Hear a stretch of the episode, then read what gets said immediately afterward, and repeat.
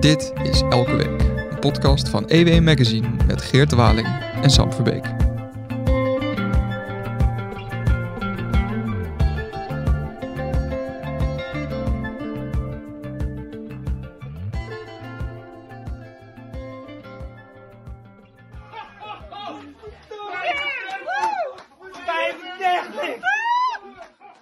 Dat was een uh, uitzinnige Geert Wilders gisteravond, die in de eerste exit poll uh, te horen kreeg dat zijn PVV 35 zetels uh, had, had gewonnen.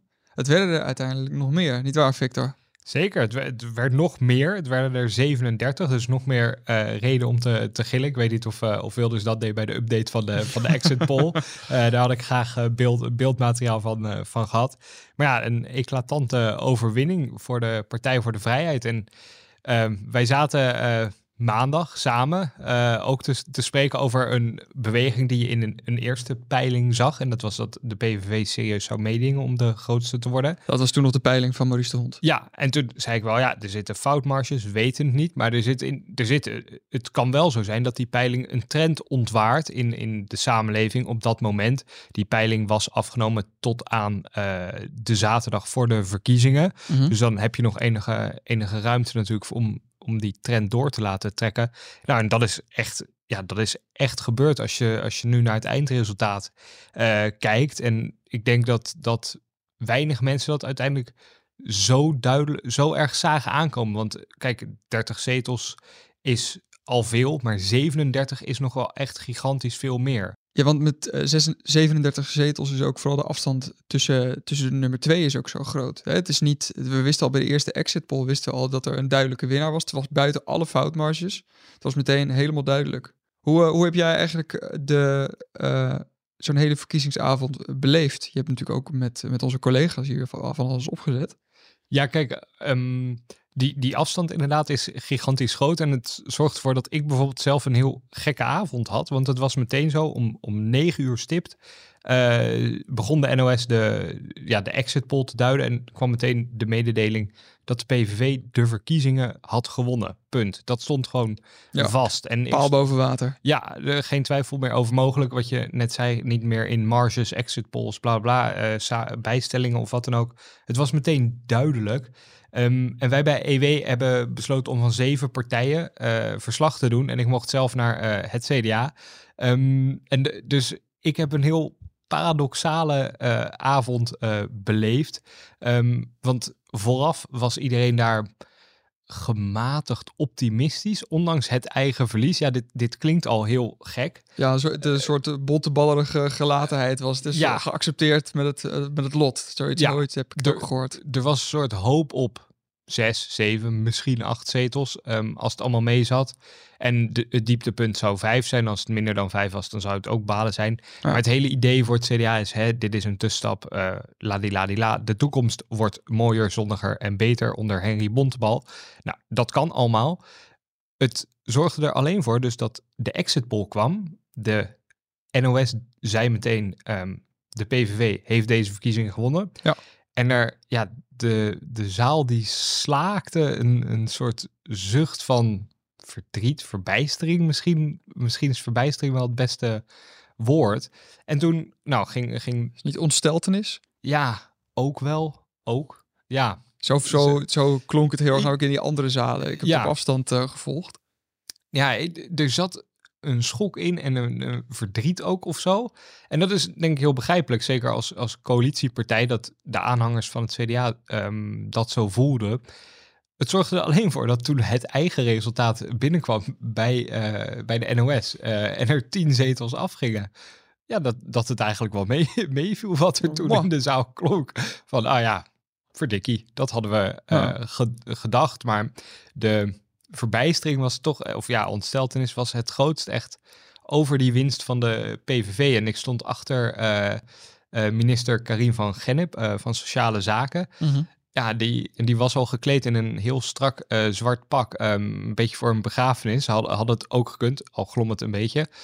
Ja, en daarvan was ook af te lezen de ja, ontsteltenis. Echt, dat droop er helemaal vanaf. En ik vroeg haar ook een, een paar dingen. En ja, daar kwam het antwoord, wat denk ik uh, misschien wel goed gemediatreed is, dat we het allemaal maar morgen nog eens rustig moesten Ja. analyseren. En dat is een heel politiek correct antwoord, maar dat zegt wel een hoop over uh, de verbazing van, van de uitslag. Ja, nu, uh, zoals je net al zei, hebben we verschillende van onze vliegende verslaggevers het land ingestuurd.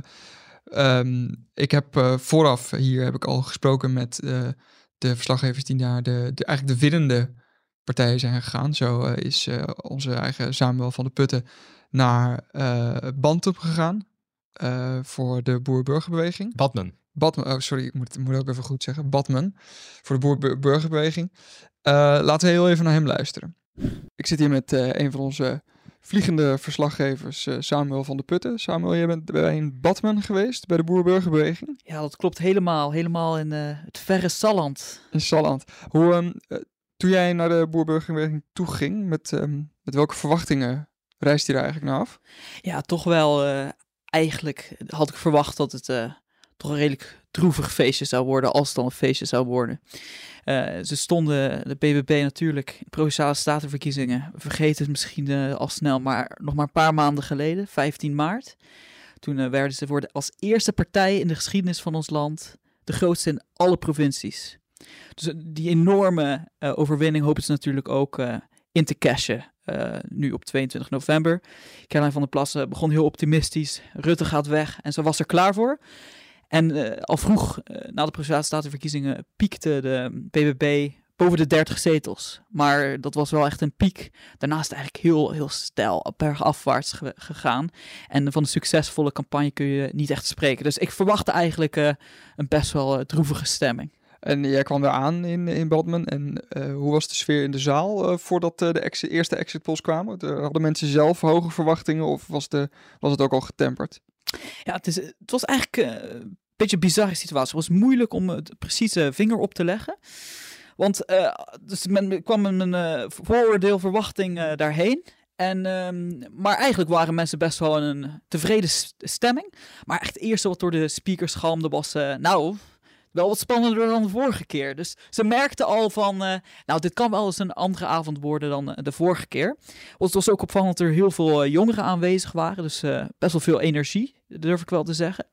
En ik, ik, sprak wat, wat mensen voordien en die hadden nog best wel hoge verwachtingen, tussen 13 en 18 zetels.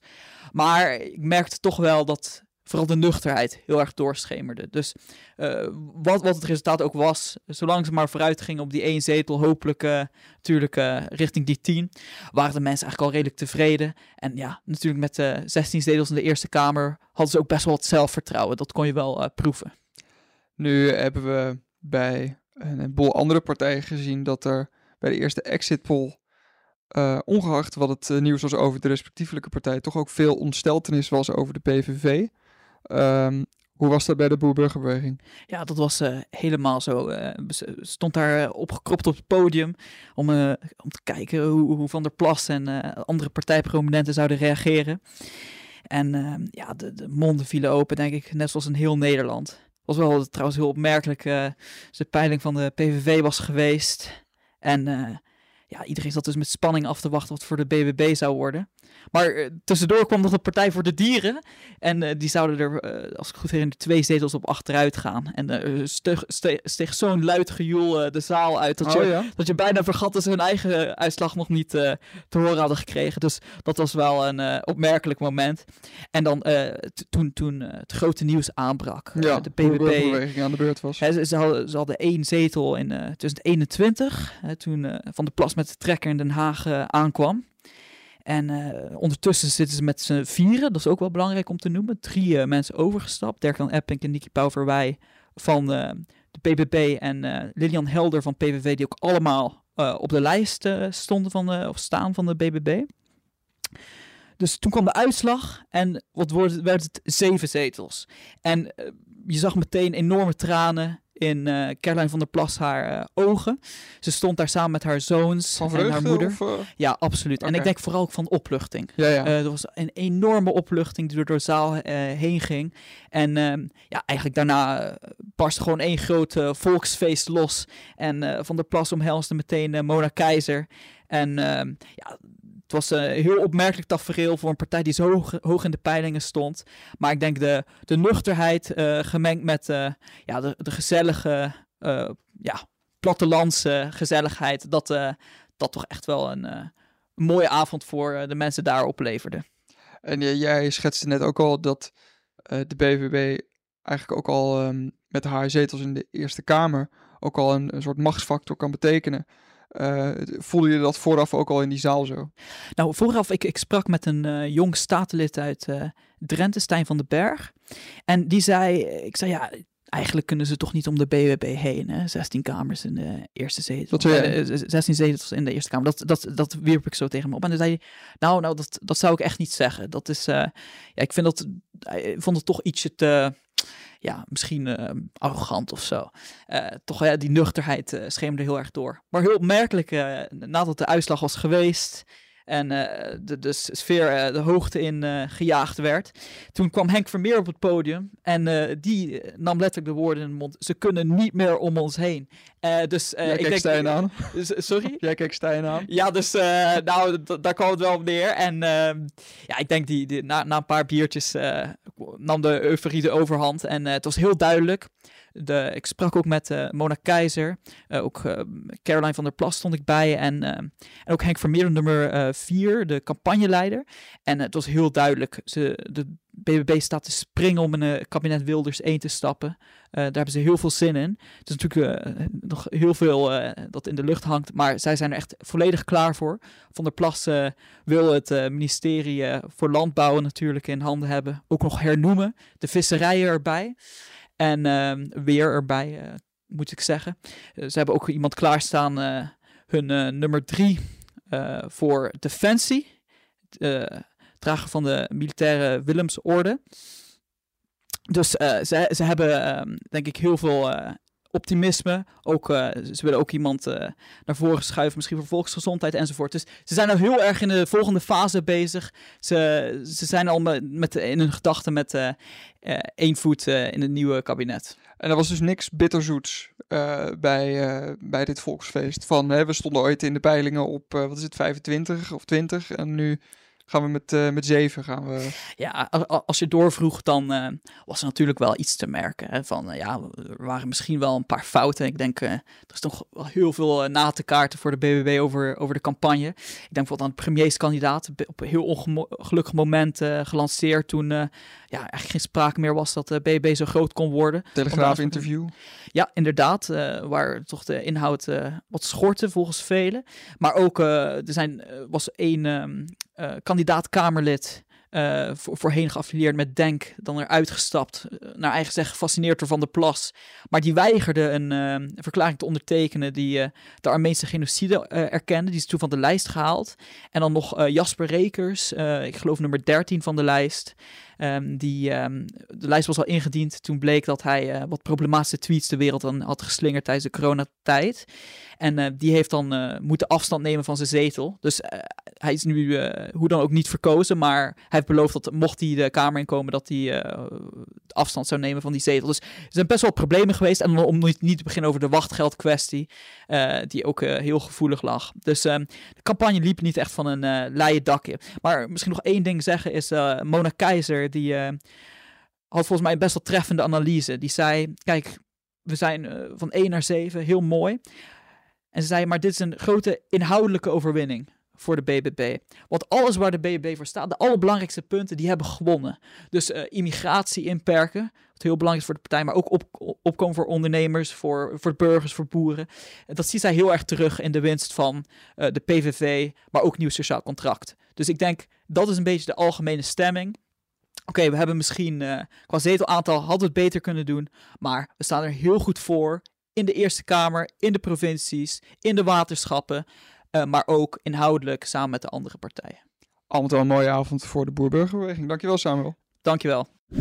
Hoe heb jij uh, de verkiezingsuitslag van de Boerburgerbeweging gevolgd? Het is natuurlijk een raar verloop geweest voor deze partij. Eigenlijk vanaf de Provinciale Staat tot nu. Ja, wat Samuel beschrijft, die soort van gekke gewaarwording daar dat je dus dat ze eigenlijk heel blij zijn met het resultaat.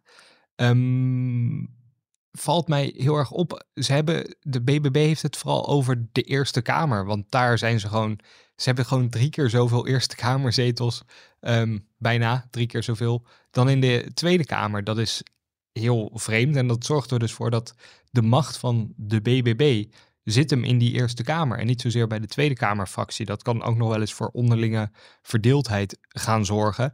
En je zag al in de campagne bij BBB, zeker de laatste weken, het was een heel stroeve campagne van BBB. Uh, veel gedoe, premierskandidaat, wel of niet. Um, en, en de afgelopen week toen ze zagen van nou, wij gaan helemaal never nooit een premierskandidaat leveren, werd er al heel vaak, af en toe door Caroline van der Plas bijvoorbeeld, gezegd, ja, onze, we besturen al mee in de provincies. En we hebben ook liefst 16 Eerste Kamerzetels in de aanbieding. Dus wij gaan regeren. En ze hadden natuurlijk al gezegd, ik wil met Pieter. Nou, ook voor de PVV hield uh, eh, BBB altijd de deur open. Dus ja, ik had, ik had het idee als ik zo naar BBB kijk, dat die, die Tweede Kamerverkiezingen, die deden er niet zoveel meer toe. Er was ooit hoop op 30 Kamerzetels. Nou, we eindigen met uh, 7. Maar we hebben, we hebben al geoogst, als het ware, bij, uh, bij de provinciale statenverkiezingen. Dus uh, op, naar de, op naar de regering, op naar de formatietafel. Zij hebben gedacht van wij zijn al een machtsfactor. Ja. En dat misschien, uh, ik heb wel eens gedacht toen Timmermans een beetje draaide um, in het kader van de stikstof. Dat ik ook dacht van ja, misschien is dit ook gewoon GroenLinks Partij van de Arbeid die zich erbij neerlegt dat er zal moeten worden samengewerkt met de boer-burgerbeweging. Dus ik heb me beter nu alvast een beetje je vizier, je, je, opendraaien naar, naar deze partij. En misschien heeft dat alleen maar dat, dat gevoel van we zijn er al gevoed bij de boer-burgerbeweging. Dat, dat denk ik ook. Ja, voor Timmermans was dat misschien inderdaad ook gewoon de realiteit. Hij kan niet over links, ook niet met deze uitslag tenminste de GroenLinks PvdA zal altijd een rechtsere partner moeten zoeken. Ja, en dat Timmermans zat eerst opzichtig te flirten met, met uh, Pieter Omtzigt en heeft dat lang volgehouden.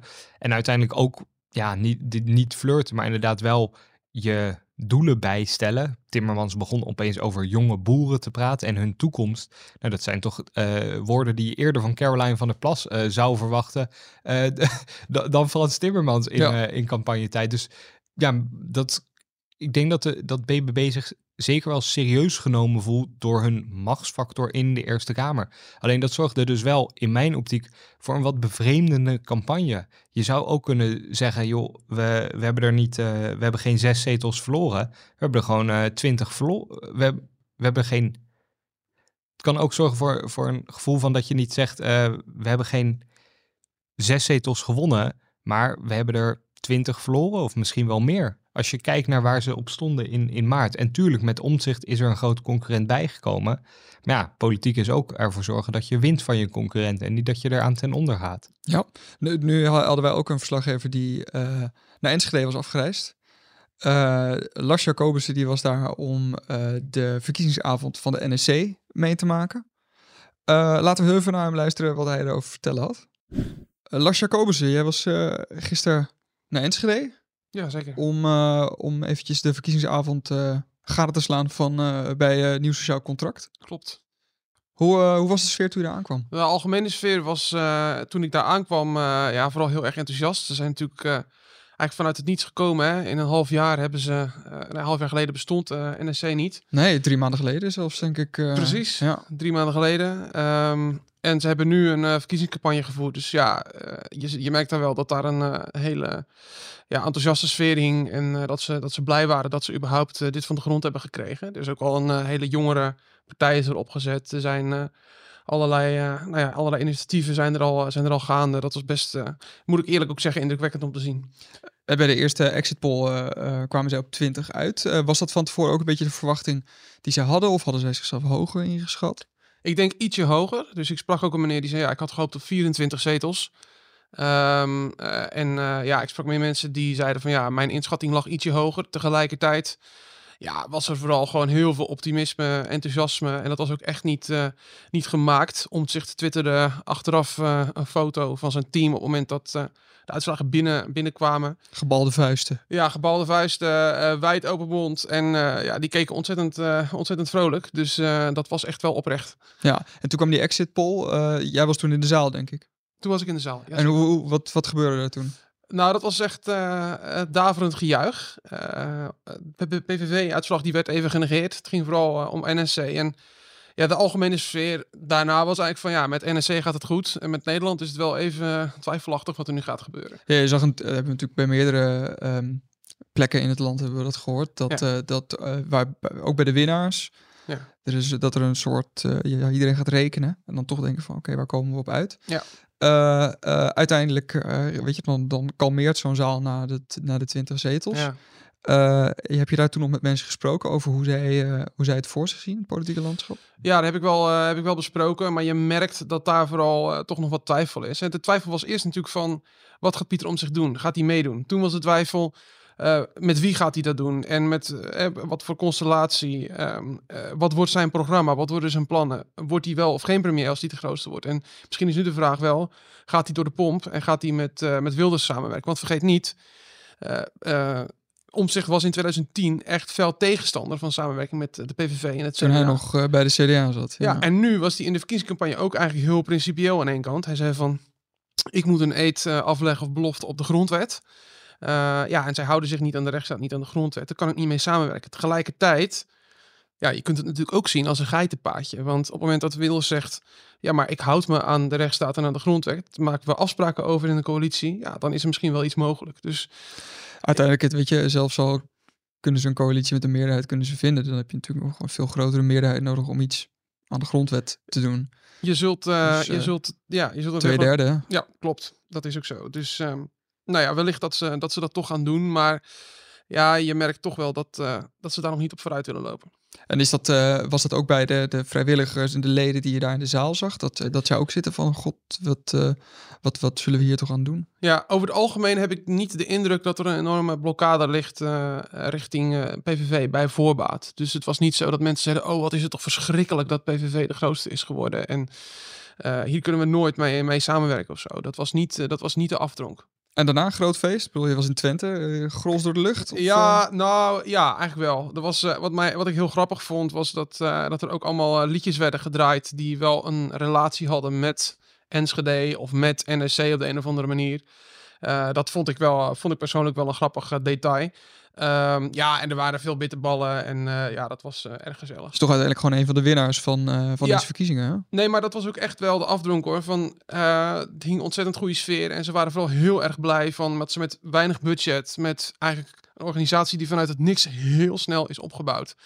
Ja, natuurlijk met een lijst met, met toch wel high-profile mensen die heel snel tot stand kwam, dat ze dit hebben kunnen doen. Dus er is een, ja, toch wel energie losgekomen. Dat is wel duidelijk. Ja. Ja, nou, indrukwekkende prestatie. Dankjewel, Lars.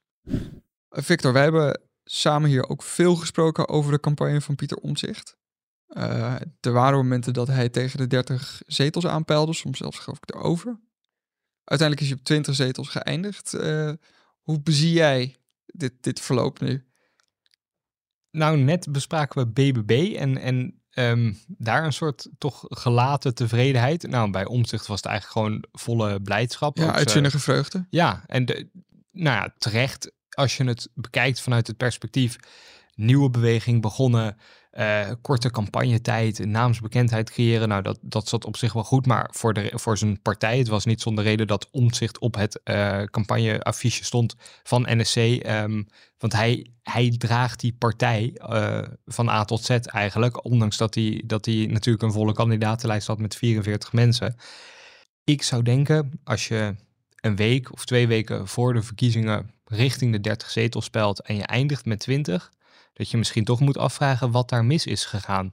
En ik heb wel een suggestie voor een antwoord om, eh, om zo vrij te zijn. Ga, ga je en dat is toch het getwijfel van omzicht over die premierspositie. Dat bleef gewoon heel lang, heel vaag. Ehm, tegen ons in, in, in EW heeft gestaan eh, dat hij het zou overleggen met zijn gezin. En als daar groen licht van zou komen, dan zou hij het doen. Nou, dat werd toen toch weer afgezwakt daarna bij andere media. En toen uiteindelijk de zondag voor de verkiezingen in Buitenhof zei hij dat hij er wel open voor zou staan. En dan in een bepaalde constellatie met vakministers. Nou, dat hebben we vorige keer ook besproken. Ja, ja, ja, heel ingewikkeld. ja, dat versterkte nogmaals het beeld van de twijfelende omzicht. En wetende, tenminste als je naar de, de peilingen voorafgaand aan de verkiezingen kijkt, zag je dat er best aanzienlijk deel van ex-PVV-stemmers uh, bij omzicht zat. Ja, die twijfel, die zal een deel van die ex-PVV-stemmers gewoon weer terug naar Geert hebben gebracht in plaats van uh, voor Pieter te kiezen. Want waar was je nou eigenlijk aan toe met een, een stem op NSC? En die vraag, die ligt er nog steeds, want voor de verkiezingen nam Omtzigt heel duidelijk stelling tegen de PVV van Geert Wilders. In het programma staan volgens Omtzigt ongrondwettelijke dingen, bijvoorbeeld de vrijheid van onderwijs voor islamitische scholen. Dat gaat in tegen artikel 23 van de grondwet. We zullen dat misschien nog heel vaak voorbij horen komen, de, de, de rest van de formatie.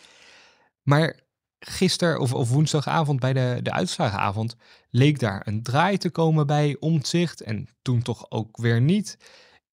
Twijfel, twijfel, twijfel. Ja, ja. ja, dat zag je bij meerdere fractieleiders of uh, lijsttrekkers.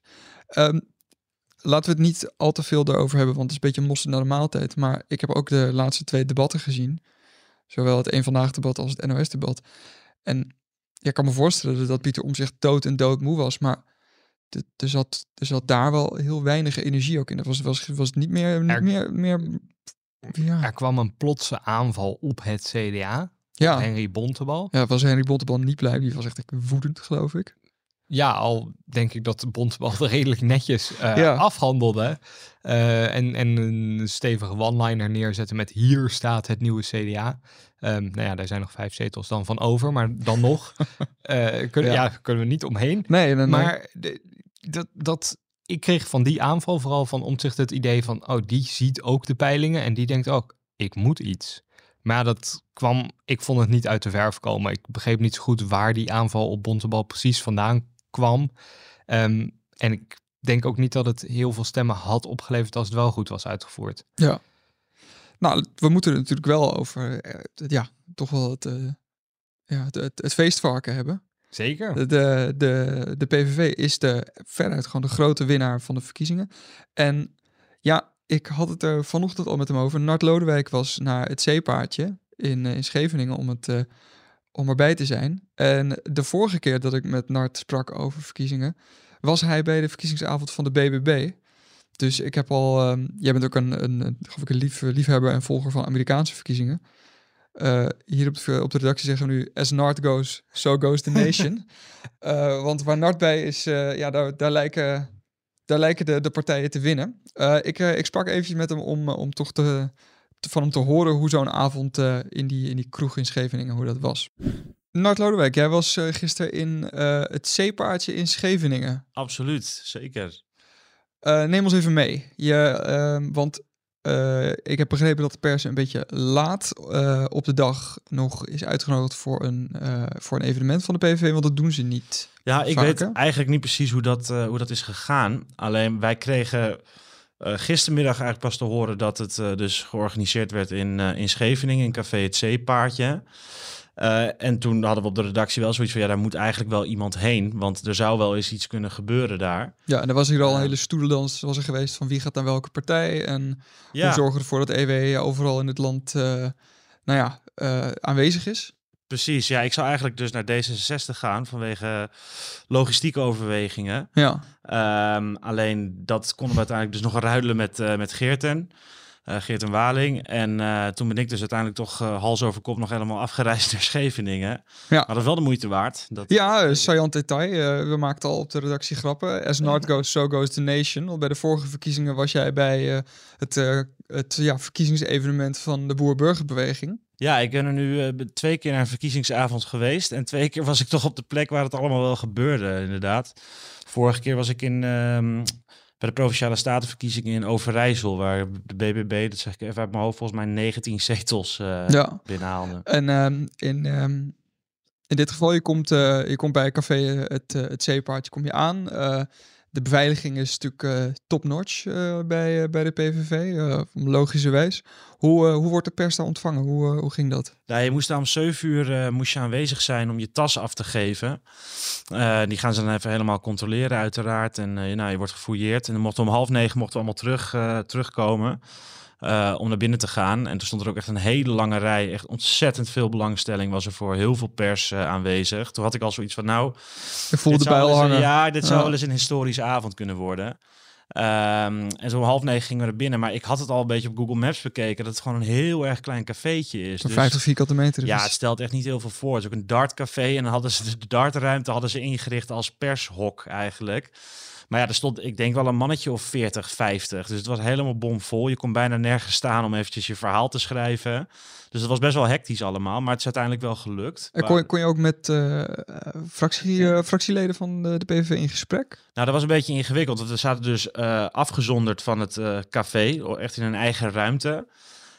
Dus je kon ze wel allemaal zien, maar je kon ze dus eigenlijk niet spreken. Maar later op de avond kwamen Fleur Agema, eh, Martin Bosma en eh Gidi Markensauer. Die kwamen wel eh eventjes... Prominente PVV'ers. Ja, die kwamen wel eventjes eh, daar netjes de pers eh, te woord. En eh, misschien even naar het moment van de avond. Eh, eh, NOS, eh, het, wat is 9 uur, de eerste exit poll. Ja, om negen uur kwam dus eh, de exit poll. Iedereen voor de, voor de televisies. En tot mijn grote verbazing, ik weet eigenlijk niet of dat normaal gesproken ook zo gaat. Volgens mij niet.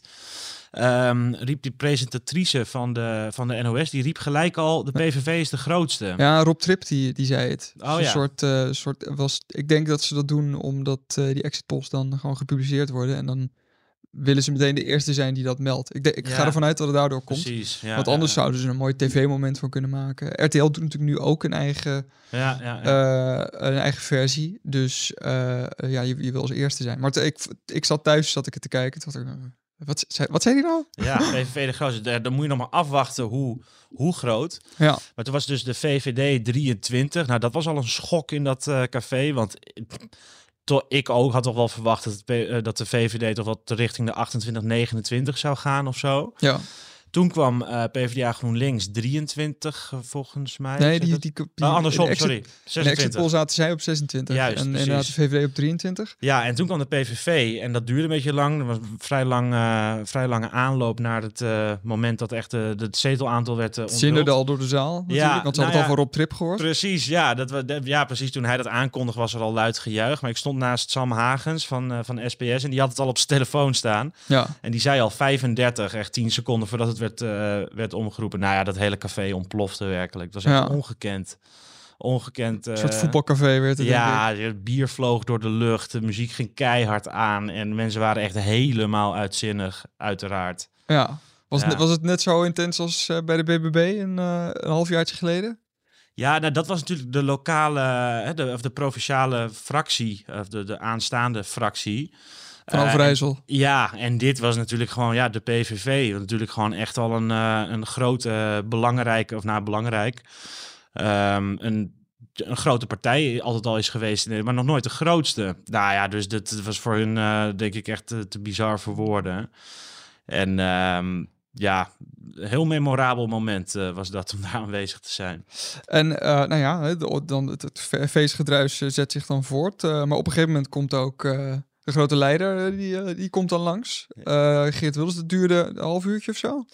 Ja, hij, hij, was, eh, hij heeft volgens mij zelf de uitslagen eh, bekeken, of de exit poll bekeken in de Tweede Kamer. Volgens mij ook vanwege van, eh, van het veiligheidsoverwegingen. Daar kijkt hij het altijd. Ja. Ja, en eh, dus hij was wat later en hij kwam al vrij snel. eh, om een paar minuten na half tien kwam hij de persruimte ingelopen. Er stonden echt hutje een beetje op elkaar met z'n allen. En Toen kwam hij nog met een dozijn bij beveiligers eh de, Ja, tegenaan. ja, kwam die weer binnengelopen. Met Eye of the Tiger hadden ze toen aangezet. Weet je wel, echt zo'n nummer eh, van eh, kijk mij nou eh, eventjes het podium oplopen. En, eh, nou, ja, van een winnaar, hè? Ja, precies. Echt een uh, overwinningslied inderdaad. Ja, toen kwam hij met zijn speech van vijf minuutjes ongeveer. En ja, daarna ging hij uitgebreid de pers te woord staan. Maar dat waren er zo ontzettend veel. Dat was echt te chaotisch voor woorden. Ja, en ja, we hebben een speech gezien. Het, was, het, is traditie geloof ik in Nederland dat als je de verkiezingen wint, dat je ook heel diep door de knieën moet. Want eh, je moet natuurlijk meteen gaan nadenken hoe je, hoe je gaat samenwerken. Hoe, eh, hoe, hoe ging die zaal ermee, ermee om? Eh, nou ja, hij kon op zich best wel rustig zijn, zijn verhaal doen. Inderdaad, hij deed wel gelijk een knieval. En hij, hij zei wel veel dingen over... nou ja, toch de, de mildere toon waar, veel, waar Ja. veel over is gegaan de afgelopen tijd. Die zette hij wel voort. We hadden het over de agenda van hoop van de BVV. Ja, de en, agenda van hoop. En ook over dat hij... eh, Schaduwen heen stappen. Juist, en dat hij eh, binnen de kaders van de, de wet en de, de grondwet eh, wil regeren. En dat hij inderdaad gewoon de samenwerking wil opzoeken. Eh, dat, dat zei hij eh, vrijwel direct. Ja, hij moet natuurlijk ook wel. Je kan niet anders. Dit is het moment voor hem. En eh, dan moet je wel iedereen aan je zijde krijgen ook. Dus ja. En heb jij achteraf ook nog met, met andere PVV'ers kunnen, kunnen praten? Ja, ik heb Martin Bosma heb ik gesproken, Fleur Agema, want dat waren dus degenen die echt even actief de, het pers, persvak ingingen. Er was ook nog wel meer hoor, maar ja, zoals ik zei, het was daar zo chaotisch. Ja. Eh, je moest ook nog het verhaal schrijven. dus, eh, eh, maar die heb ik allebei eventjes gesproken. Martin Bosma die was echt uitzinnig. Die zei, ik had voor 20 zetels had ik ook getekend. Hij had het niet verwacht. Wel interessante opmerking nog van hem is dat hij zei van nou, ik denk dat we zeker wel zetel 4, 5 te danken hebben aan wat er allemaal gaande is in, in Israël natuurlijk. En wat dat voor reactie, voor wat voor reactie dat heeft gezorgd hier in het Westen en dus ook in Nederland met De de demonstraties. demonstraties. ja. Hij zei letterlijk tegen mij van eh, Nederlanders zien antisemitisme in Nederland eh, toenemen en herkennen dit land niet meer daardoor. En eh, dat heb ik ook even opgeschreven natuurlijk in dat stuk. En ehm, ja, vond ik wel nou, niet eens opvallend. Ik bedoel, ik had wel verwacht dat hij zoiets, zoiets zou zeggen. Maar ik denk dat hij daar best wel eens gelijk in zou kunnen hebben, inderdaad. Ja, dus misschien die, de, de impact van die, van die demonstraties misschien een beetje onderbelicht is geweest als invloed op de campagne. Ja, ja, ik denk dat veel. eh, kijk, Wilders is natuurlijk altijd al. Die staat echt pal achter, eh, achter Israël. En dat, dat, dat heeft hij altijd gezegd. Laatst ook was hij daar bij, het Radio 1-debat ook heel erg duidelijk over. Sommige partijen die willen nog wel een beetje toewerken naar een staakt het vuur of daartoe oproepen. Maar hij zegt gewoon, nee, Israël moet keihard terugslaan. En ik denk dat toch veel kiezers dat wel, eh, dat wel konden waarderen. En ook daarom ook eh, op hem hebben gestemd. Hij heeft er in ieder geval geen zetels door verloren, denk ik. Nee, als dat gebeurd is, dan, dan kon hij het. Ja, kon hij het hebben. Eh, bij ehm, Veronica Insight, of Vandaag Insight, ik weet even niet meer goed hoe het heette, maar toen Wilders daar was, toen werd er al gezinspeeld op een ministerschap van, van Fleur Agema. Je nog met haar kunnen praten? Ja, ik heb het eh, dat vroeg, vroegen heel veel eh, journalisten vroegen dat ook aan haar. Van ik, wat ik ook wel een logische vraag vind. Ja, Maar daar gaf ze best wel een, eh, een goed en professioneel antwoord op, vond ik, nou, vond ik zelf. Want ja, zij weet ook nog niet wat er gaat gebeuren natuurlijk. Maar ze zei wel, hè, ik droom hier wel al heel erg lang van. Het is ook haar portefeuille. En vriend en vijand zijn het er volgens mij over eens. Ik ben er niet heel erg in thuis, moet ik zeggen, in, in, in, in, in de zorg. Eh, maar vriend en vijand is volgens mij wel over eens dat zij eh, wel heel veel kennis van zaken heeft op dat gebied. Dus ik zou er niet heel erg gek van opkijken. Maar goed, de formatie, eh, dat is dat, dat, dat, dat lopen gaat de feiten vooruit. Ja, precies. ja. En dat was zij, dat zei zij ook. Dus, Ja. over zeven maanden zijn de Europese verkiezingen. Weet je al waar je, welke verkiezingsavond je daar naartoe gaat? Nou, we, ja, we moeten denk ik wel even goed in de gaten houden waar ik heen ga. Want dan gaat het denk ik gebeuren. Nee, Laat ons weten. Eh, ja, Eh, nee, ik ben, ik, ben, ik ben heel erg benieuwd. Ik hoop dat het weer zo'n eh, zo'n me- memorabele avond wordt dan. Nou, heel erg bedankt, Nart. Yes. Victor, het, vooral dat wat Nart vertelde over Bosma, over de demonstraties en hoe die hebben, misschien ook hebben bijgedragen aan de winst van, van de PVV, is, ehm, is misschien wat er leefde in Nederland ook eh, op het internationale toneel, is dat misschien een beetje onderbelicht gebleven in, in de verkiezingen? Want Ik, denk, ik vind het niet onderbelicht gebleven. In de zin dat eh, er heel veel media-aandacht is geweest. ja, En continu, en dat heb ik zelf ook gezegd, kan ik eerlijk toegeven, bleek uit peilingen dat de kiezer dat niet direct belangrijk vond. Het conflict. mhm, Maar Bosma zegt natuurlijk eigenlijk net iets anders. En dat gaat om hoe het conflict in de Nederlandse straten zich eh, heeft laten zien met eh, posters van ontvoerde Israëli Israëliërs die werden afgekapt. eh kristalnachtherdenking die dan weer niet, toch weer wel of zwaar beveiligd door moest Ja. gaan. Ik denk dat een groot deel van Nederlanders ook van, van in ieder geval van de, de aanhang van Wilders heeft gedacht. Ehm, ik herken Nederland hier niet in of, of in dit beeld met eh, vlaggen van Hamas of andere eh, terreurorganisaties. Ik geloof de Taliban-vlag op Utrecht Centraal. Ehm, ik, ik kan me goed voorstellen dat dat, dat dat heel erg veel heeft bijgedragen inderdaad aan de PVV. Die daar zo'n uitgesproken profiel over heeft. In combinatie met het feit dat het kabinet klapte op migratie. Wat ook het ding is van de PVV. En dat er zo die factoren samen ehm, zeker wel verklaren waarom, waarom de winst en de afstand, wat we al eerder bespraken, de afstand tot, tot de nummers 2 en 3 zo gigantisch groot is. Er zit echt een heel groot gat tussen. Ja, en daarnaast gewoon de, de moeizame en misschien wel ondoordachte campagne van, uh, van Dylan Jezielgus van de VVD. Ehm, lang leek het goed te gaan in de peilingen. Ze dingden mee om uh, de topplekken. Maar als je nu naar het eindresultaat kijkt, kan ik me niet voorstellen dat ze daar tevreden mee is. Um, al, zij, al denkt ze daar zelf geloof ik iets anders over. Want toen ze uh, met de fractie bijeenkwam de dag na de verkiezingen, toen zei ze dat, ze dat ze het een ongelooflijk mooie campagne vond. En dan denk ik toch, ja, als je nou tegen de tien zetels verliest, weet ik niet of ik zo zou openen. Ik heb uh, vanochtend ook gekeken naar de. Uh, het is altijd een evenement in uh, Nieuwsport van Stichting Machiavelli, waarin alle campagneleiders tenminste een aantal dan samenkomen om te reflecteren op hun eigen campagne. En daar werd ook gevraagd aan, geloof ik, de campagneleider, voor elke campagneleider van, wanneer veranderde de campagne nou jullie? Wat was een sleutelmoment? En daarin werd ook uh, toch al door verschillende werd er gezegd van, nou, toen VVD de deur op, op een kiertje zette voor de PVV, toen is, toen is eigenlijk is er een soort balletje is er gaan rollen. Maar Zie jij dat ook zo? Ja, dat, ik denk zeker achteraf kan je dat zo zien. Bij ons heeft Ruben Brekelmans, VVD-parlementariër, gezegd dat voor deals rondom asiel de deur inderdaad naar de PVV open zou moeten staan na de verkiezingen. Maar als je als campagneleider nu na afloop van de verkiezing zegt, toen is er een balletje gaan rollen, dan had je misschien, als je campagneleider was geweest van, zeg GroenLinks PvdA, misschien iets moeten doen om dat balletje te stoppen. Vanuit hun perspectief, hè? Dat, zeg maar. En ook vanuit de VVD misschien wel. De VVD heeft continu om, om die uitspraken van Brekelmans heen gedraaid. Ze hebben het nooit helemaal omarmd, zijn er nooit volledig achter gaan staan. Zijn het de dag voor de verkiezingen ging je Zielgus zeggen op de radio dat ze niet zou willen dienen onder premier Wilders. Dan gaat ze niet in een kabinet zitten. Nou, dan kan ze ook gewoon fractievoorzitter worden in de Tweede Kamer. Ze is immers verkozen als Tweede Kamerlid. Ja. Um, dus dat is nog een, een soort Rutteaans scheitenpaadje. Maar dat, dat geeft aan dat... Ja, maar er was ook een soort omzichtachtige twijfelachtigheid. Hè? Weet ja, je, ja. Van, wat wil je? Eigenlijk een stuntelende campagne. En ook, ik denk, zelfoverschatting geweest bij de PVV, bij de, sorry, bij de VVD over uh, de val van het kabinet. Dat ging over migratie. De VVD dacht, dat is ons onderwerp, hier gaan we dik op winnen.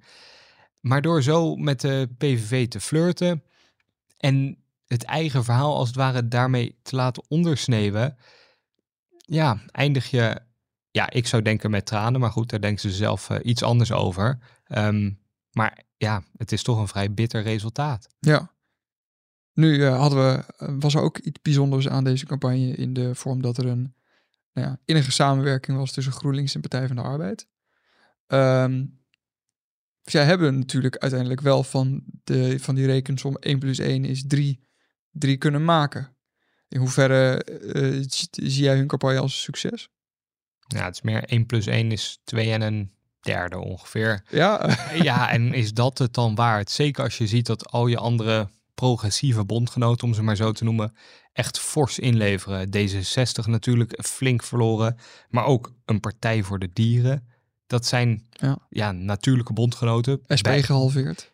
SP gehalveerd, bijeen uit de Kamer. Ja. ja, was dan dit, dit experiment de moeite waard? Ik twijfel daar eigenlijk over. Ik denk eigenlijk dat, dat GroenLinks PvdA zich nog eens goed zouden moeten bezinnen op hun toekomst. Als je toch kijkt naar het feit dat de PVV die een zeer links, en dat, dat klinkt zo gek, maar de PVV is een zeer linkse partij als het om sociaal-economische zaken gaat. Uh, van AOW-leeftijd tot hoe we met bedrijfsleven omgaan. Dat daar ligt dus ruimte, maar wel met een cultureel rechtsverhaal als het gaat over nou ja, migratie, et cetera, noem maar op. Dan zou je toch denken dat als Partij van de Arbeid dat daar wat te halen is. En datzelfde wordt natuurlijk ook veel gezegd over de SP. Maar ja, dan is een fusie met GroenLinks, wat eigenlijk diametraal andersom zit, misschien niet heel voor de hand liggend. En ja, met, met 25 zetels, terwijl al, al je, je gewenste regeringspartners, die zijn echt gedecimeerd.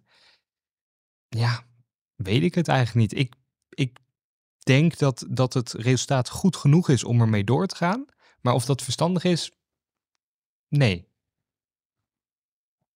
Dus denk je dan dat, eh, dat, dat, dat het bij één keertje blijft? Of, nee ik, denk eh, dat, ik denk dat ze ermee door zullen gaan. En dat zeker omdat er aan de formatietafel ligt er wel ruimte voor een premier Timmermans. ja. Ehm, dat, klink, dat klinkt een beetje gek natuurlijk, maar met NSC, eh, D66 erbij en ik meen het CDA of deze, ja, de- dan kom je, BBB? heb je eh, of BBB, dan kom je boven de, boven de eh, 76 zetels uit. Daar ligt, ja, daar ligt een kansje. Zeker omdat, ja, hoe gaat Geert Wilders formeren? Hij is een heel behendig parlementariër. Hij kent het politieke spel op en top. Maar wat voor ministers kan de PVV leveren? Ze bestaan natuurlijk al 15 jaar, maar ze hebben geen leden. Geert Wilders is het enige lid. Hoe ziet zijn netwerk eruit om, eh, om aan ministers te komen als het daadwerkelijk daarom, daarom gaat? Ehm, komt Geert Wilders er wel uit met de VVD als het gaat om die sociaal-economische zaken waar ze echt heel anders tegenaan kijken? Ehm, dat zijn allemaal vragen die nog beantwoord gaan worden. Maar als het antwoord op al die dingen nee is, dan zal er toch naar Timmermans worden gekeken of hij wel tot een akkoord kan komen met bijvoorbeeld omzicht, eventueel toch ook met die Zielgus. Dan heb je een soort breed midden dat zou gaan regeren. En dat klinkt heel gek, hè? Ik snap het, de Wilders heeft gewonnen. Ja. Alleen, Zou dat niet heel slecht zijn voor, voor, onze, voor onze democratie om, om, om zo'n partij dan buitenspel te zetten? Of, is het, of ze zitten zichzelf buitenspel dan? Ja, Ja, kwestie Kijk, wij zijn een spin. democratie waarin je niet de, de winnaar gaat niet gegarandeerd regeren. We zijn geen Verenigde Staten, we zijn geen Verenigd Koninkrijk, eh, ook geen eh, Frans presidentieel stelsel. We zijn een land van coalities en wie die het best kan sluiten, die gaat regeren.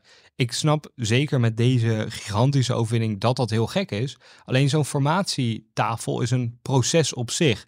En ik ben er zelf altijd voor, dat heb ik ook opgeschreven in EW, dat partijen voor de verkiezingen alvast duidelijkheid geven. Zoals Omtzigt heeft gedaan over de PVV. Laat aan jouw kiezer alvast weten dat je er niet mee wil. Alleen ja, om dan op verkiezingsavond daar alweer een soort van terug te krabbelen. Ja, Dat had ik niet opgeschreven, maar het, het kan wel, eh, het kan de kiezer als het ware meer macht geven. De teleurstelling gok ik bij NSC-kiezers als Omtzigt toch met de PVV gaat, zal vrij aanzienlijk zijn. Hij komt dan echt terug van zijn eigen woorden. ja. Ook al, eh, want wa- wa- wat ik me heel erg afvroeg, is, en dat heeft eh, Geert Wilders natuurlijk meerdere keren gezegd, van ja, al die, die belangrijke dingen, zoals de, de primaire wortels van de PVV, die zetten we dan in de ijskast. Maar hij heeft nu 37 zetels. Dat is bijna de helft van wat je nodig hebt voor een coalitie. Denk je dat hij nog steeds ervoor open staat om dat dan in een ijskast te zetten? Nee, en dat, ik denk dat hij zelf ook wel weet dat dat heel onverstandig is. En er zit denk ik een verschil tussen toonmatige, wat hij al aan het doen was, en per se de ijskast. Hij sloeg natuurlijk ook, en dat, dat laat wel zien hoe groot de impact denk ik op Geert Wilders zelf ook was, een soort premierwaardige toon aan. Hij wil dingen binnen de grondwet doen. Nou, daar zit dus een impliciete erkenning in dat zijn eigen partijprogramma deels uit zaken bestaat die, die buiten die grondwet eh, Ja. vallen. Dus hij zal wel gaan, gaan lonken naar, aan de formatietafel naar partners om mee samen te werken. Alleen je kan niet alles inleveren. Tenminste niet als je wil eindigen zoals nou ja, bijvoorbeeld nu het CDA is geëindigd deze verkiezingen. Of ook de VVD die flink eh, heeft moeten inleveren. Kiezers valt het echt wel op. ehm, als er uiteindelijk niks gebeurt. Ik bedoel, op het gebied van migratie, maar ook dus van wonen. Wilders vindt stikstofcrisis onzin. Nou ja, oké, ga maar bezorgen dat er meer dan 100.000 huizen per jaar worden gebouwd en dat de woningnood verdwijnt. Dat is Ja. wat de kiezer van je vraagt. Dat is wat je hebt verteld tegen ze.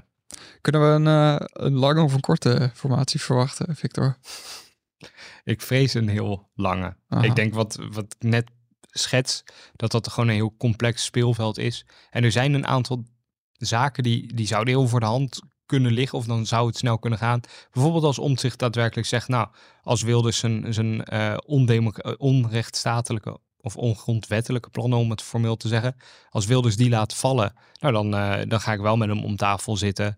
Ehm, dat zou natuurlijk kunnen. De VVD had ooit de eis dat Wilders excuses moest maken voor zijn minder Marokkanen uitspraak. dat Ehm, hoeft nu niet meer. Dat hoeft misschien nu niet meer. Wilders heeft gezegd dat hij spijt een onzinnige emotie eh, vindt. Dus eh, dat zal er ook niet snel eh, van komen, gok ik. Nou ja, maar goed, stel dat komt er wel allemaal opeens van. Omdat ze denken, ja, de uitslag is zo duidelijk. Je Zielgus zou naar de fractie kunnen of in de fractie kunnen blijven. Om het correct te zeggen, om al à la Bolkestein oppositie te gaan voeren tegen zo'n heel rechts kabinet. Maar dat zou voor de VVD ook zekere zin ongemakkelijk zijn. Ja, ingewikkeld hè? Ehm, of Jullie zijn niet streng genoeg op migratie of jullie zijn te streng op migratie. is heel moeilijk voor zou- de VVD ik denk dat de. VVD dan enkel kan zeggen, jullie verwaarlozen het bedrijfsleven. Want bijvoorbeeld NSC Ah, ja. heeft natuurlijk ook een wat linkser economisch programma. Zeker in vergelijking eh, met de VVD. Ook als je BBB daarbij zou halen. eh, dan kom je ook erop uit dat de VVD op economisch vlak het, het, re- het meest rechtse geluid heeft van die partijen. Dus daar zou je dan in de oppositie kunnen gaan. En vestigingsklimaat is natuurlijk een heel belangrijk onderwerp. Wat alleen die afgelopen 13 jaar onder Rutte ook al eh, niet, niet beter erop is geworden. Dus ja, zo zit de VVD eigenlijk in een heel ingewikkeld pakket. Dus ik denk dat het toch een lange formatie wordt. Ja, nou, het kan ook een lange formatie worden. Ook al omdat eh, Johan Remkes al heeft laten, laten weten dat ze hem niet moeten bellen. Dus ja, dan, dan kan het echt lang worden. en ik gok ook dat Geert Wilders dan niet heel snel Herman Tjenk Willink gaat bellen. Nee, nee. Ik denk ook, de, denk de, wat wel goed is, dat misschien maar één verkenner aanwijst in plaats van twee. Dat zou wel helpen. Ja. In ieder geval minder kans op papieren die eh Ja, gefotografeerd worden. hou ze dicht bij je. Eh, vandaag is, eh, geloof ik, eh, traditioneel de dag na de verkiezingen de dag dat eh, alle fracties eh, samen in eh, het Tweede Kamergebouw taart gaan eten of eh wonden likken of eh, dat soort dingen. Eh, bij de fractie van, eh, van de PVV zullen de vlaggetjes uithangen. Eh, eh, heb, heb jij nog specifieke verwachtingen voor de komende tijd? Of ga je de formatie gewoon nauwlettend volgen? verwachten. Ik denk dat, dat ehm, de PVV gaat. Ik ben gewoon heel benieuwd hoe de PVV dat voortouw gaat nemen in die formatie. Want daar hebben ze in principe het, het recht op als grootste partij. Ik ben heel benieuwd ja, wat Wilders uit zijn hoge hoed gaat kunnen toveren op dat gebied. Met wie komt hij aanzetten eigenlijk als verkenner? Dat zal heel interessant zijn. In ieder geval niet dus met Remkes. Onze ogen zijn gericht op de hoge hoed van Wilders. En eh, als we meer weten, dan eh, komen we snel op terug. Dankjewel, Victor. Dit was Elke Week. Een podcast van EW Magazine met Geert de Waling en mij, Sam Verbeek. Zoals elke week kan je de besproken artikelen ook vinden in onze show notes. Voor dit een leuke podcast, abonneer je dan en laat een leuke review achter. Heb je vragen of opmerkingen? Geert kan je op Twitter vinden onder Geert de Waling. Ik ben op Twitter te vinden onder SamWV. Je mag me natuurlijk ook mailen naar sam.verbeek.ewmagazine.nl Dank voor het luisteren naar elke week. Tot volgende week.